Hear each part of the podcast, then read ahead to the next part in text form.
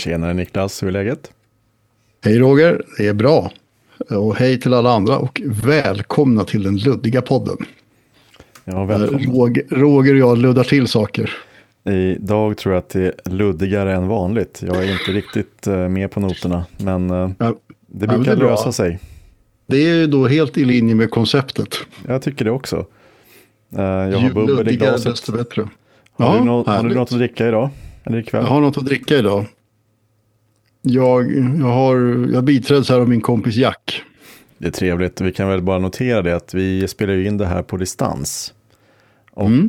eh, vi ser varandra i ett eh, webbgränssnitt här. Eh, jag kan notera att Niklas är lite gulare än jag, så jag börjar fundera på om det är Jack som har påverkat. Det kan inte uteslutas. nej, Jag kanske ska, ska ladda ner Kry-appen eller något. gör det. Kanske kan eh, sända samtidigt som vi poddar. Niklas ringer Kry, det vore något. Gubbar vilket kan. kanske- Ja, precis. Gubbar kan, ja. Ja, mm, nej, ja vi, vi, vi avvaktar med det får vi se hur, hur det går. Det blir ett senare avsnitt när vi är riktigt desperata. Just precis, när alla andra idéer är slut, då kan vi göra det kanske. Ja, Ja. Jaha, har det hänt något kul i veckan? eh, i förra avsnittet så berättade jag ju att jag skulle på mingel. Ja, just det. Och så nämnde jag någonting om att jag skulle komma med en rapport om detta. Ja, men tell Så här, så här kommer mingelrapporten. Ja, kul. Eh, Alltså, det, det, mingel är ju absolut inte min grej, men ibland måste man ju göra saker fast man inte törs. Mm. Sådär. Astrid Lindgren sa någonting i stil med att om man inte någon gång ibland gör saker som man är rädd för så är man bara en liten skit eller något sånt där. Ja. Nej, jag minns inte exakt formuleringen. Men, Eh, nej, men jag lort. tänkte, en liten lort var det så det var kanske? Nej, jag minns inte. Nej. Eh, det kan man ju säkert googla sig fram till. Nej, men mingel är inte min grej liksom. Det, men eh, ja, hur som haver, jag fick för mig att jag skulle på ett mingel. Jag varit inbjuden till ett mingel och så tänkte jag, ja men visst, kör fört. Så jag var där och det var, det uppfyllde väl de flesta av mina fördomar tror jag. Mm. Berätta. Eh, Det var, eh, jag vet inte hur många det var, var det kanske ett 30-tal personer där. I en eh, inte jättestor lokal. Det var väldigt hög volym. Redan man kom in i trapphuset så hörde man, "Jaha, okej, ska jag vända direkt eller? Ehm, är det så för att, att, inga har något att säga egentligen? Så att man ska stå där och säga va hela kvällen? Så att, Ja, men lite så. Vi visste, det var ju då i ett sammanhang så att alla hade ju liksom i vart fall minst en gemensam nämnare, men ändå. Nej, men problemet var ju just det här med att eh, visst, man stod ju där och drack lite bubbel och snackade med folk, men i den där ljudvolymen så hörde man liksom ungefär 40 procent av vad folk sa som man pratade med. Så det var mycket va och mycket gissa. Jag tror att hon eller han sa ungefär så här. Så nivån på den så kallade konversationen, det var ju alltså, ja, det var rätt förvirrat. fy fan vad gubbigt. Ja, det var väl, medelåldern var väl nästan, nästan min ålder. Jo, inte riktigt fast så. jag tänkte just att, att reagera just på ljudvolym. Det är ju så Jaha. otroligt gubbigt. Och det är så du menade. Ja, Ja, Nej, men det var väl sorry. mest bara ett faktum att det var svårt att höra vad folk sa. Det kanske också är Vad gubbigt. så? Ursäkta, vad så? Ja, ja. Ja. Däremot så hade arrangören tänkt till så att man fick en liten namnskylt att ta på sig där. Så att Mhm. Man behövde inte fråga vad folk hette i alla fall. Det var bara att läsa på skylten. ja. Nej, jag stod ut en timme ungefär och så tänkte jag nu får, ja nu har jag gjort mitt här. Nu, nu är liksom min mingelkvot uppfylld för resten av livet. Eh, och så tänkte jag, nu skiter jag nu ska jag åka härifrån. Och så skulle jag beställa en taxi i en app. Men, Lyckades farbror? måste du skratta innan jag har berättat om mitt misslyckande? kan du inte vänta? Sorry. Eh, nej, men då har man ju infört en ny regel då, så att när du ska betala i en app så måste man ha någon speciell kod ifrån banken. Så det där sket sig naturligtvis. Jaha. Ja, man skyller på EU, jag vet inte om det stämmer. Jaha, ja. Så att det, det var tunnelbanan och Roslagsbanan hem istället. Du tog ingen Voi då? Nej, jag tog ingen Voi. det är riktigt. Okej, okay. det var det en trevlig afton då i övrigt? Eh, ja, men alltså det, det var helt okej. Okay. Mm. Eh, kan säga. Mm. Tycker du att du är extrovert eller introvert? Introvert. Mm. Men om uh, du är i rätt sammanhang då, och, alltså tar du golvet någon gång? Förstår du hur jag tänker? Um, ja, intressant fråga. Därav tanketystnaden. Mm. Jo, men det händer nog alltså. Mm. I vart fall allra minst liksom i, i arbetssammanhang, men även i andra sammanhang. Men... Jag har ju alltid sett mig själv som äh, ganska introvert. Men på senare tid har jag börjat kalla mig själv för en extrovert introvert. Jag skulle säga att det där beror på i vilken roll. Mm. Alltså om det är den yrkesmässiga rollen då är det ganska enkelt. För då, då är ju mer mitt yrke än mig själv. Mm. Uh, men rent privat, alltså i, rent privat i ett sammanhang där jag inte liksom känner speciellt många så skulle jag nog inte göra det. Alltså. Nej, men då, då är det en sån här som tar en betraktande roll i någon hörna och och, och titta på hur alla andra beter sig. Eller det är en mycket god beskrivning. Det är ja. mycket god beskrivning. Jo, ja. ja mm. den, så är jag också. Ja. Jag tycker men, det är ganska i, intressant. I, I rätt sammanhang, om man kallar det för det, så skulle jag nog kunna ta golvet också. Just det, Nej, men det, det är samma med mig. Det är ganska intressant, jag tror att vi har ungefär samma personlighet så, du och jag. Mm. Och jag tycker att uh, uh, det här är ju faktiskt, det här, det här skulle vi kunna ha som ett ämne längre fram mm. i och för sig. Det är det vi håller på med tror jag. Ja, precis. Men det jag tycker är ganska intressant för att uh, du har ju en YouTube-kanal. Du fotar. Du gör ganska mm. mycket kreativa saker. Och nu sitter du och jag här och poddar. Jag tror att det är ganska mm. många som skulle dra sig för att börja podda. Det är ganska jobbigt att sitta och prata om sig själv eller om olika ämnen och sådär. Men ändå gör vi det här två introverta människor mm. som är lite luddiga i, sina, i sitt snack och i, runt ämnena och kanske ganska spretiga i, i tankarna ibland. Men, eh, något. Men det tror jag beror på att dels har vi pratat om det här med att dra igång en podd ganska länge. Men i synnerhet så har vi ju liksom, du och jag har ju diskuterat saker under 30 års tid. Mm. Uh, vilket ju alltid liksom har farit iväg någonstans.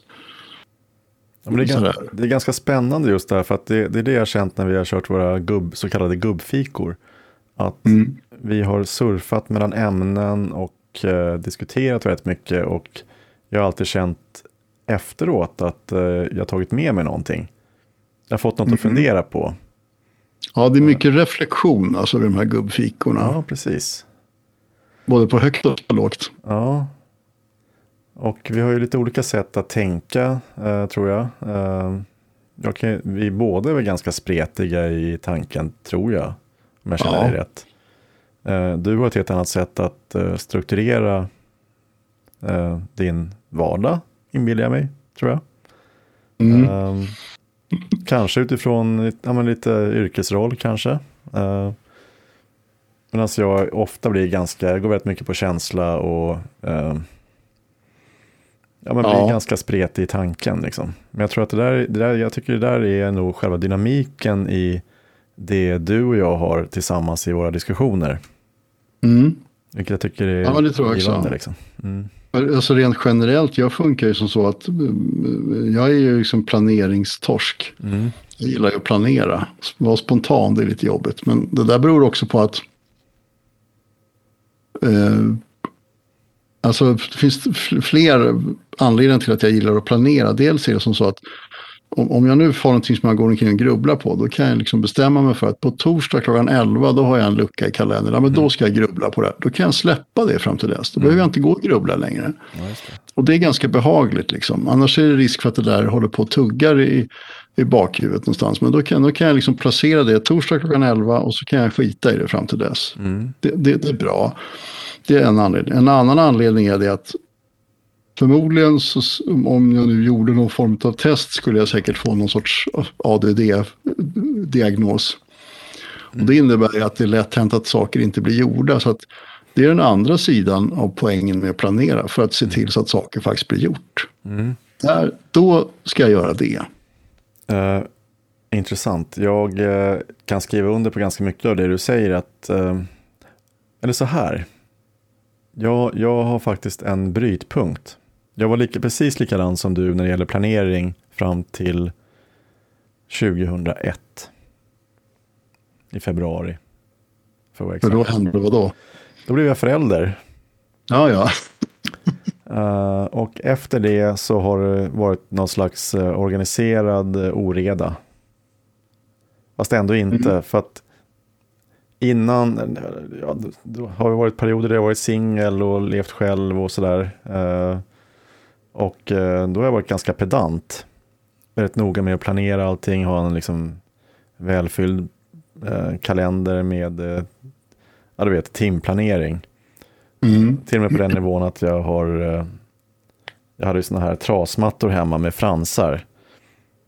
Och de kunde jag liksom, de kunde jag gå och rätta till liksom, för att de skulle ligga rakt. Det fick liksom mm. inte vara någon slags uh, knut eller någonting. Det, det ska inte vara oordning. Liksom. Mm. Väldigt välstädat och dammat och fixat hela tiden. Mm. Något slags uh, kontrollbehov kanske. Absolut, ja, men kontrollbehov har jag också, men, men kontrollbehov är otroligt intressant. Mm. Jag uppfattar ju kontrollbehov, det kan ju se ut på olika sätt. Alltså mitt kontrollbehov är ju inte det att jag måste liksom styra och ställa och bestämma. Nej. Utan mitt kontrollbehov är att jag måste ha bilden klar för mig. Just det. Det här är så intressant. Eh, jag och eh, min flickvän Caroline pratade om det här i morse senast. Eh, och kom fram till precis samma sak. Mm. Jag eh, behöver någon slags översyn, eller koll på läget. Ja, alltså jag behöver inte alls bestämma över saker och ting, men, men däremot så måste jag ha bilden klar för mig. Just det, jag, jag vill gärna veta vad som kommer runt hörnet. Ja. Om jag ska gå en kurs till exempel, då vill jag ha koll på upplägget, jag vill veta vad som väntar. Liksom. Mm. Det är oerhört viktigt för mig. Och uh, jag vet inte, rent psykologiskt så kan man väl dra det där tillbaka till steppen och allt det här med hot och allting. Mm. Men det där är en, en släng av, det där tror jag är en släng av Asperger. Alltså, det tror jag, man, definitivt. Ja, ja, alltså överraskningar, i alla fall i planeringssammanhang, det är inget bra. Nej, nej. Jag, har, jag tycker att det är otroligt jobbigt att göra någonting första gången. Ja, ja men det är samma här.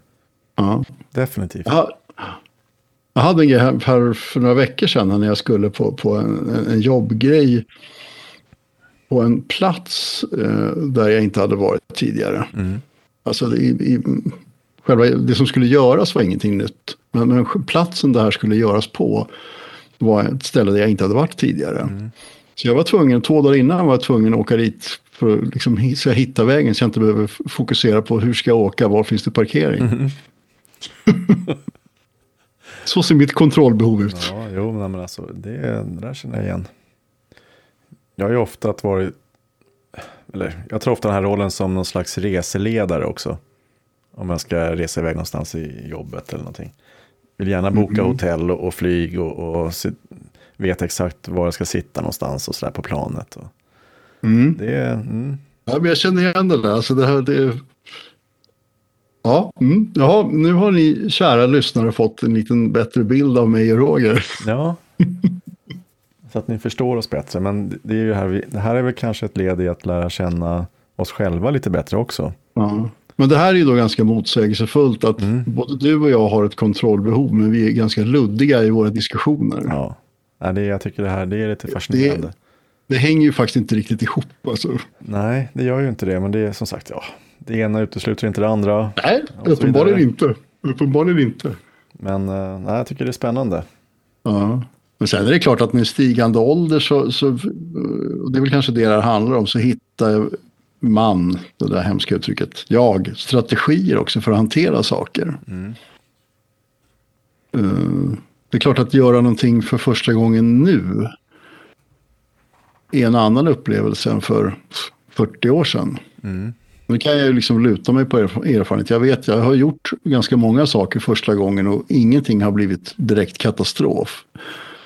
Det talar ju för att nästa sak jag gör för första gången inte heller kommer leda till katastrof. Nej. Och det, det skapar ju någon sorts trygghet i sig.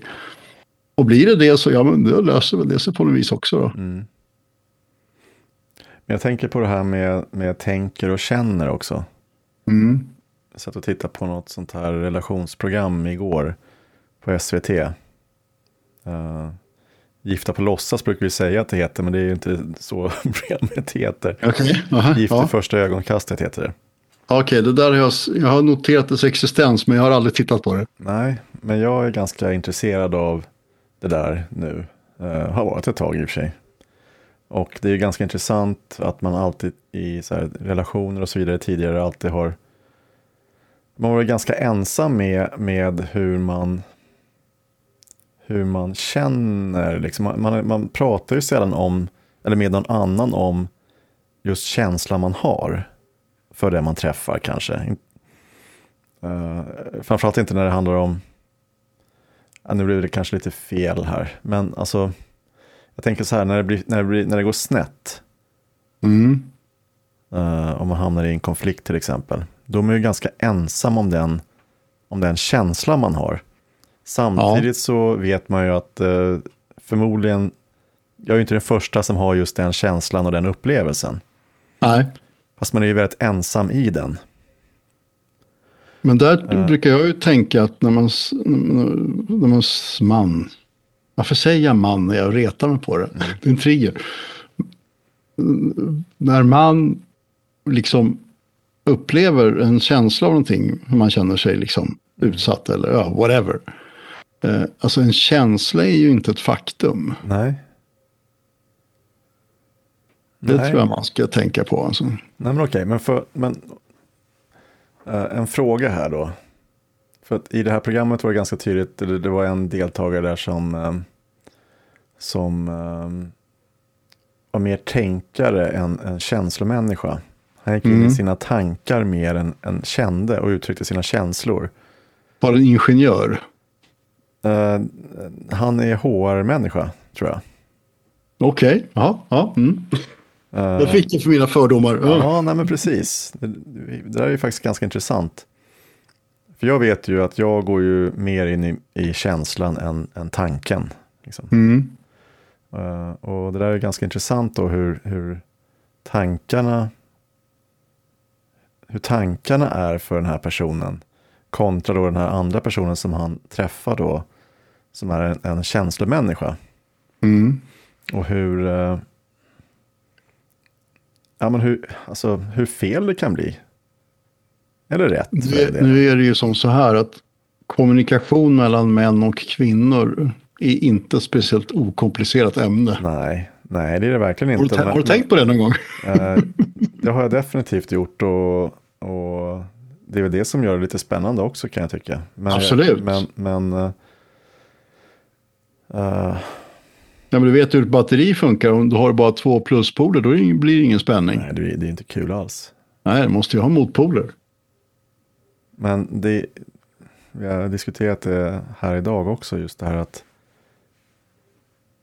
jag, eller jag kan bara tala för mig själv, jag har i alla fall eh, blivit mer intresserad av mitt eh, känslojag. Alltså på senare tid, eller senaste två, tre åren kanske. Reflektera mer över varför jag känner som jag gör.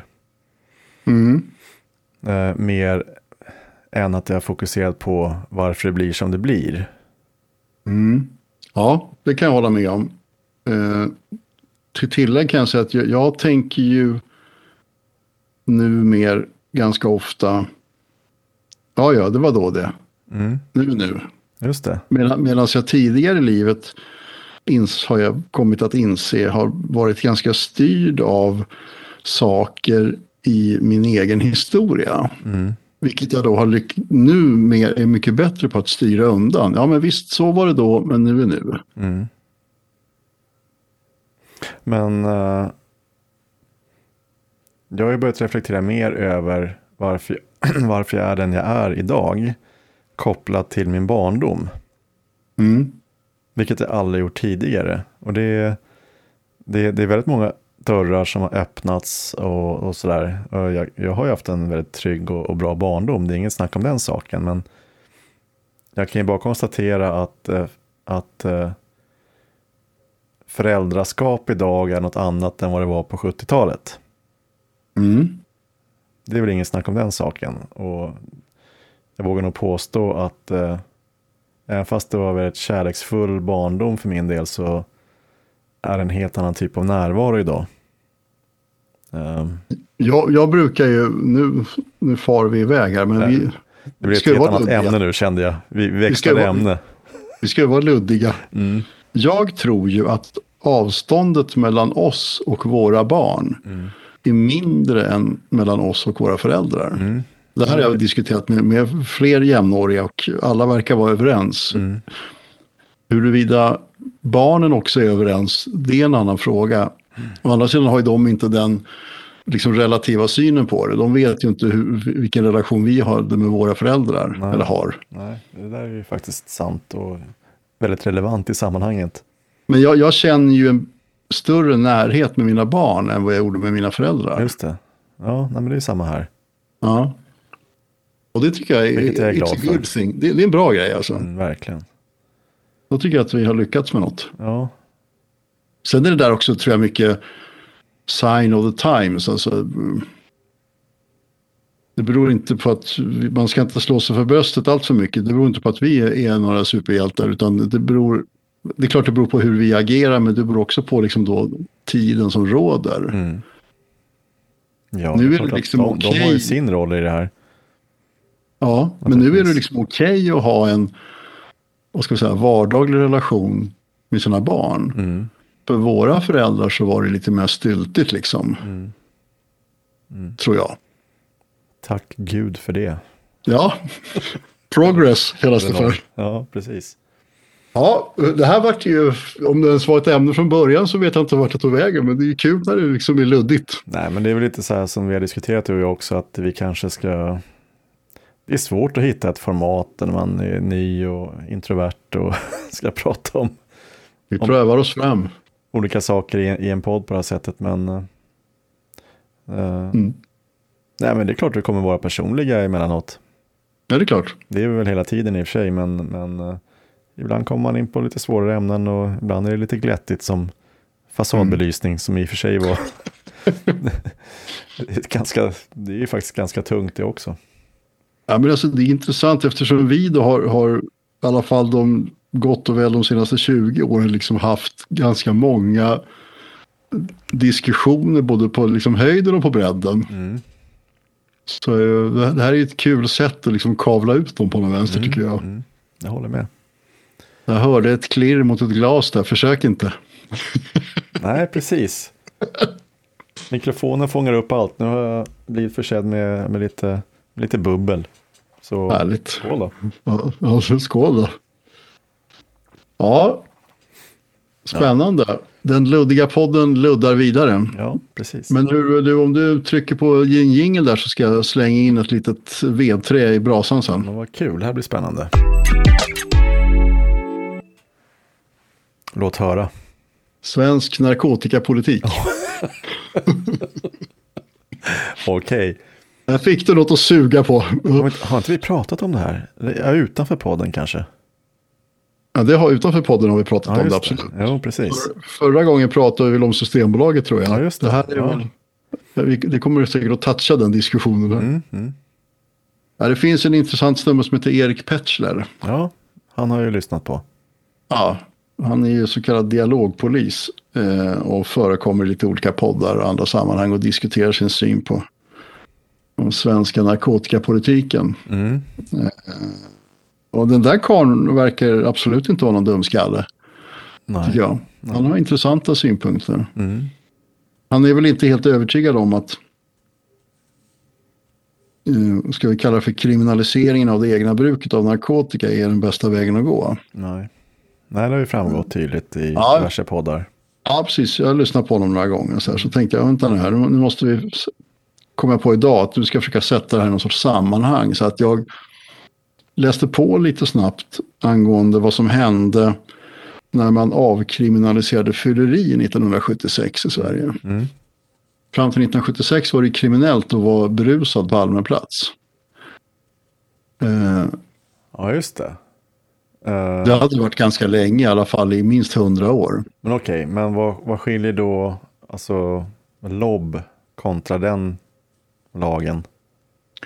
LOB, lag om händertagande av berusade personer, det är ju en vårdlagstiftning. Det kan man ha synpunkter på, hur, hur vårdande det faktiskt är att bli lobbad och lagd i fyllecell. Men alltså, det är ju, eh, då är vi inne på det här paternalistiska spåret. Det är ett omhändertagande, det är en vårdtanke bakom det. Mm, okay. Att man ska liksom, ta hand om den som är överförfriskad. Man ska mm. inte straffa personen. Mm, mm. eh, och jag tyckte titeln på den här eh, SOUn som låg till grund för den här lagstiftningen sen. SOUn kom 1968 redan och lagändringen 76 så det tog ett litet tag. Mm.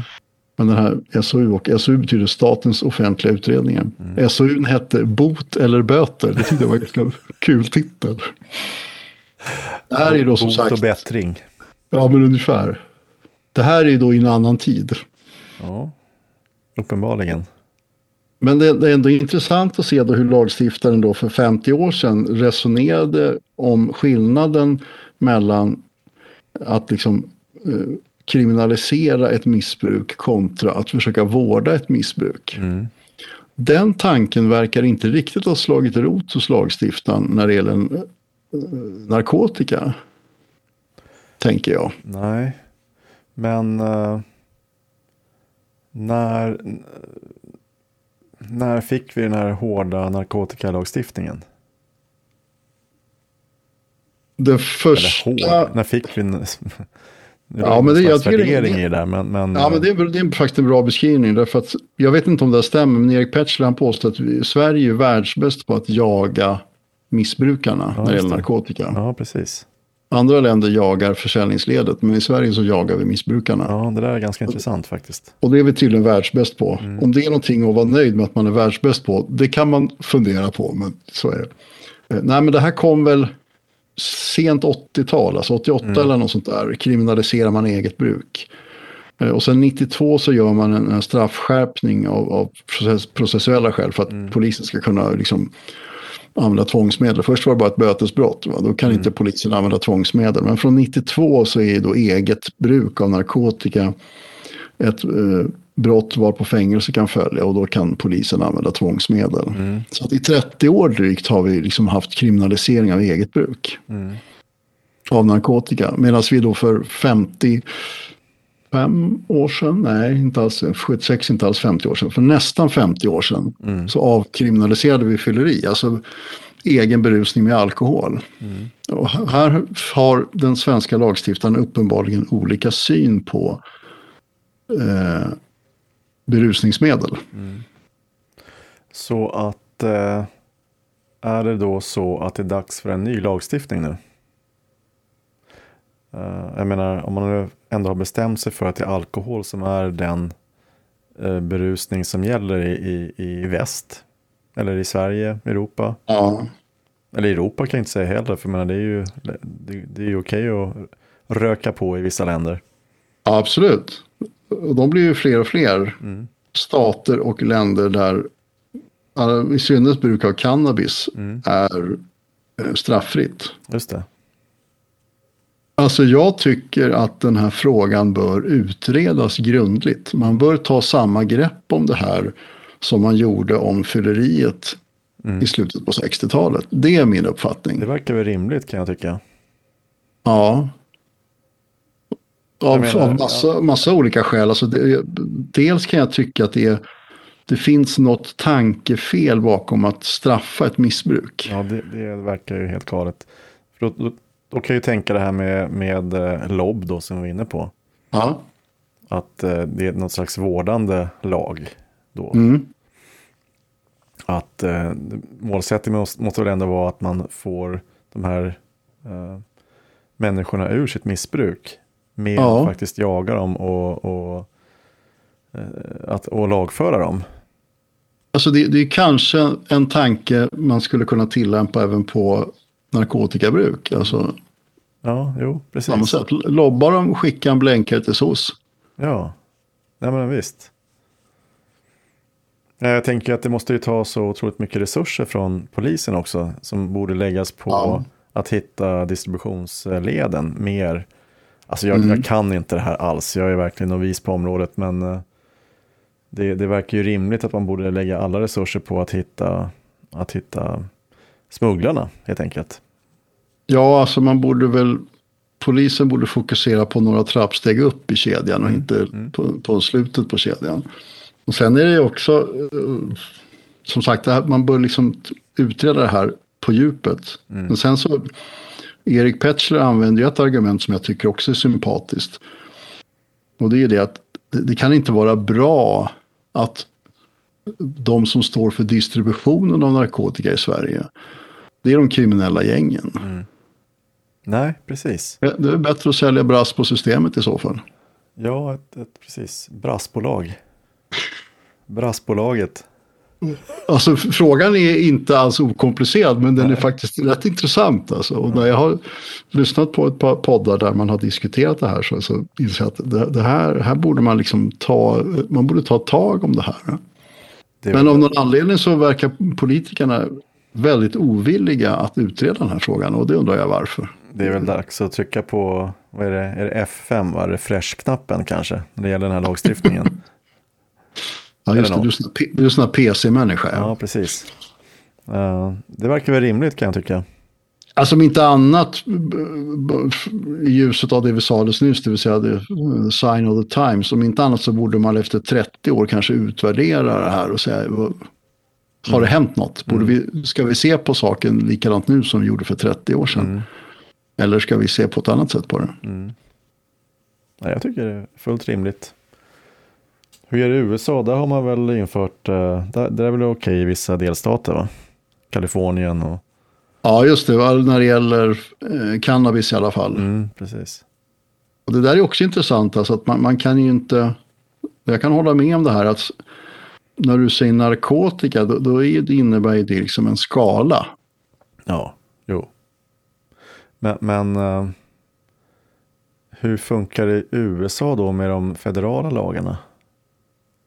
Federala ja, det är tydligen som så att för att du ska få sälja eh, cannabis lagligt i USA så ska man ha diverse olika tillstånd. Det är en hel del byråkrati kring det där. Mm. Eh, och vilket gör att det också då tydligen förknippat eh, med en del kostnader. Mm. Vilket gör att det är bara stora, starka, penningstarka aktörer som, som har liksom råd att hålla på med det där. Mm. Men då är det åtminstone liksom kontrollerat och, och, och, lagligt istället för att det är liksom ett, våra vänner i Rinkeby som med en stulen Magnum i bältet springer runt och kränger saker. Ja, men alltså oavsett så vill man ju inte stötta grov organiserad brottslighet på något sätt såklart. Utan det, då ska det ju vara kontrollerat. Eh, alla Systembolaget. I sådana ja, in, in, indirekt är det precis det man gör i Sverige när man mm. har den här typen av lagstiftning. Det blir ju så. Ja, det blir konsekvensen. Och det var nog inte riktigt så Nils Bejerot tänkte när han planterade det här på 60-talet. Nej. Men så är det. Men har du någon aning om hur, hur det ser ut rent? Alltså hur lobbar man för det här politiskt i något spår? Luff har väl varit ganska, det är klart att de är på i och för sig, det är ju liberaler men. Eh, det, det, det finns ju en ganska stark lobbyverksamhet som har lett till att det ser ut som det gör. Mm.